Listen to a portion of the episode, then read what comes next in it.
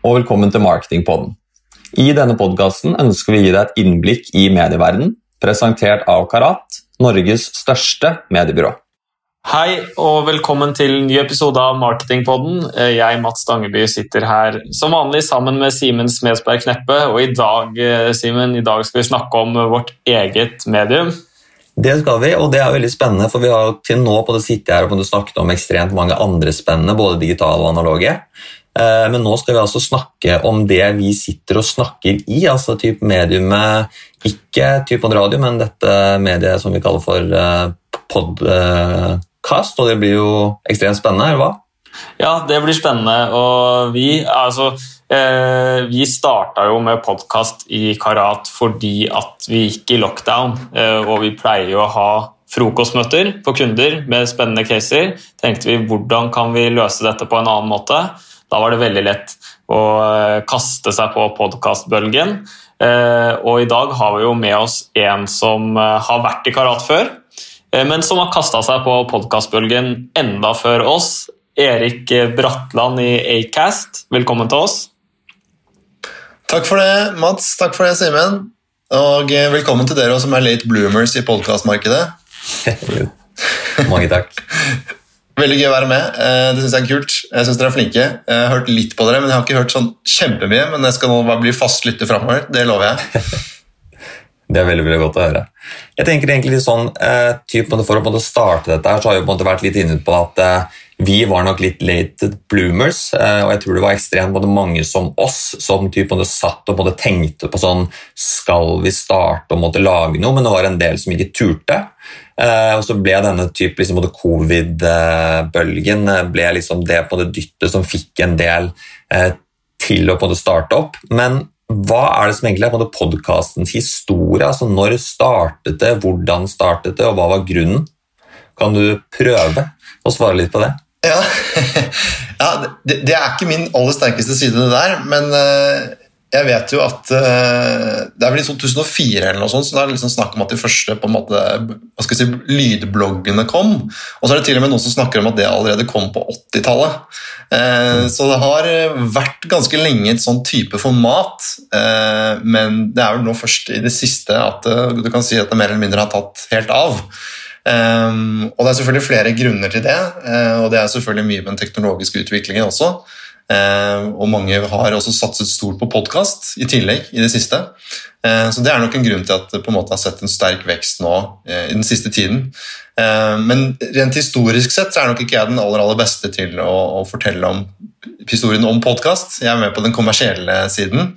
Eh, men det vi ser nå, er jo klart at eh, det blir mer og mer adoptert i, i Norge eh, blant veldig mange forskjellige aldersgrupper og segmenter. Og det som er litt interessant, selvfølgelig, er at vi ligger jo fremdeles ganske langt bak spesielt kanskje vårt naboland Sverige. Hvor jeg vil nesten si det ligger et par år for, foran oss i tid. både på adopsjonen av nye konsepter og ikke minst hvordan det kommersielle har kommet i gang.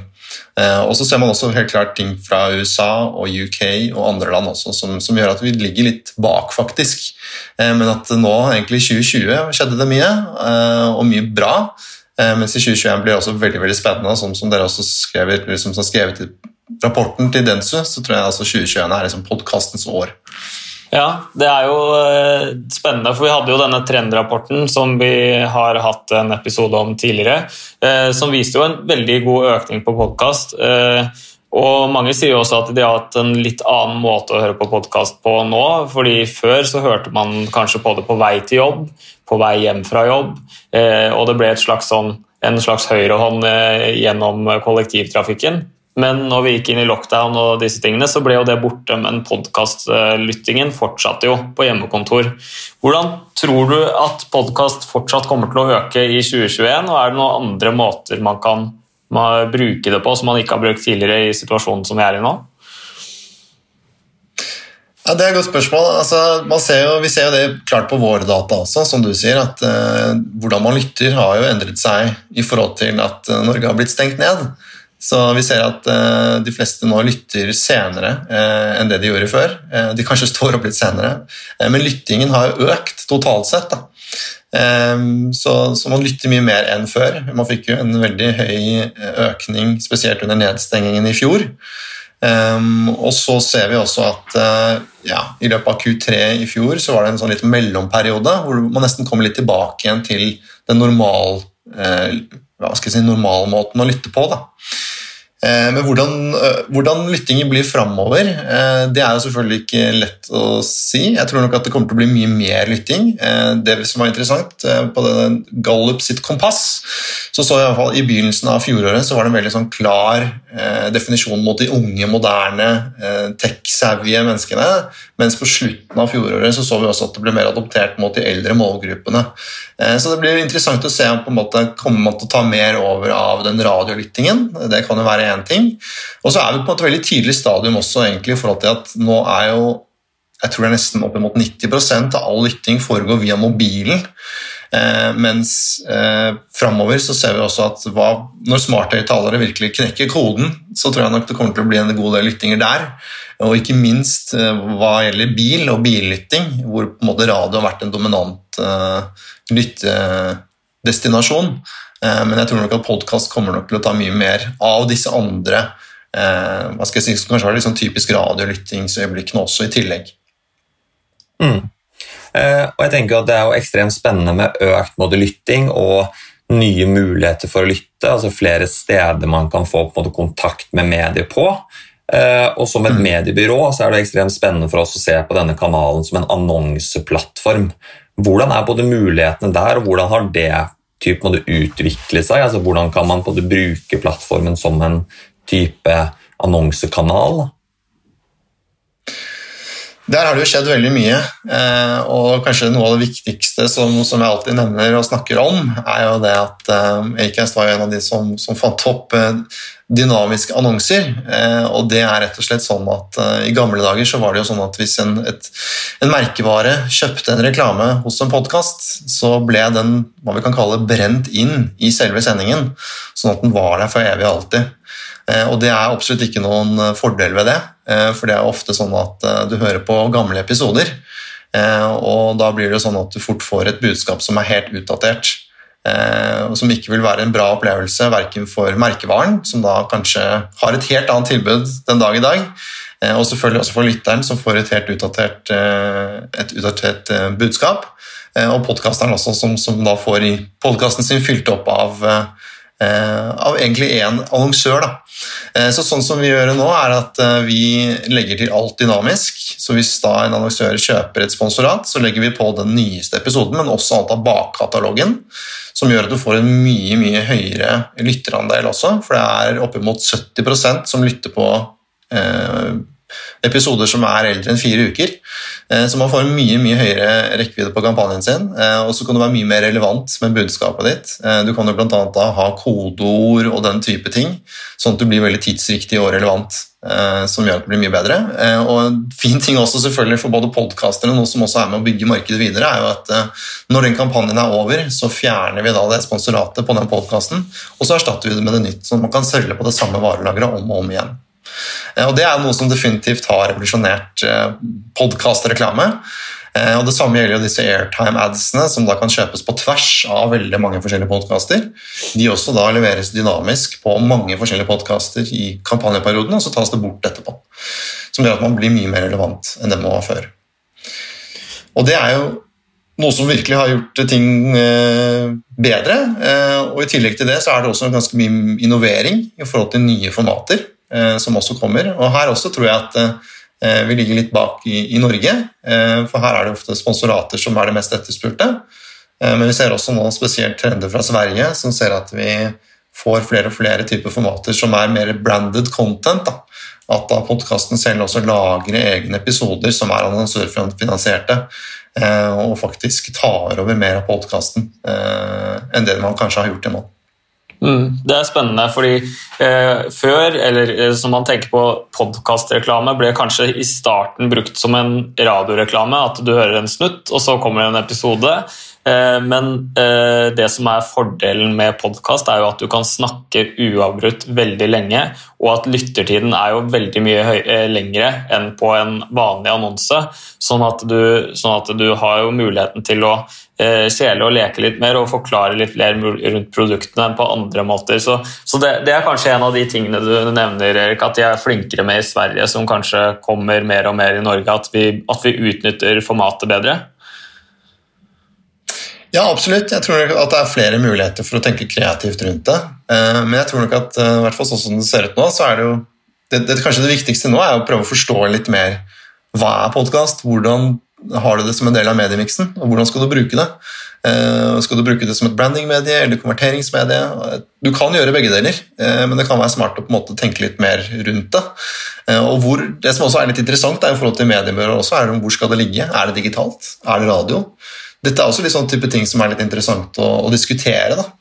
Um, for det er klart at det kan fort falle litt mellom to stoler. Um, og jeg tror at um, det som er viktig også å tenke på, er jo at hvis du kjøper et sponsorat, så er jo det også litt sånn influencer marketing. At du, har, du, du knytter deg jo så tett opp til podkasteren eh, at det er viktig å ha en tanke på eh, altså at det er en del av en større strategi eh, med at dette er en person eller personer som dere kan identifisere dere med.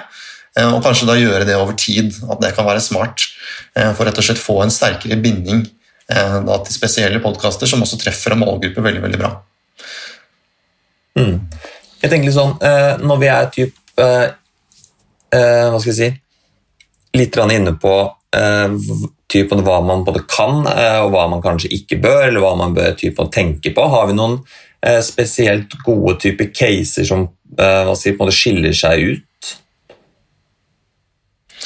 Ja, altså jeg tenker jo Det som er Bra er jo de som faktisk greier å skreddersy innholdet sitt til podkast. Eh, altså man må jo skille litt på dette med sponsoratene og airtime-adsene, som er mer generiske, som går på tvers. Da.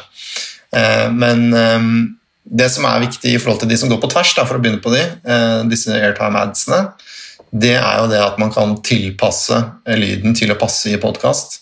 Eh, litt som vi har snakket om, eh, så er det jo sånn Dette er jo et on demand-medie hvor du sitter veldig aktivt og lytter på noe du virkelig, virkelig er interessert i.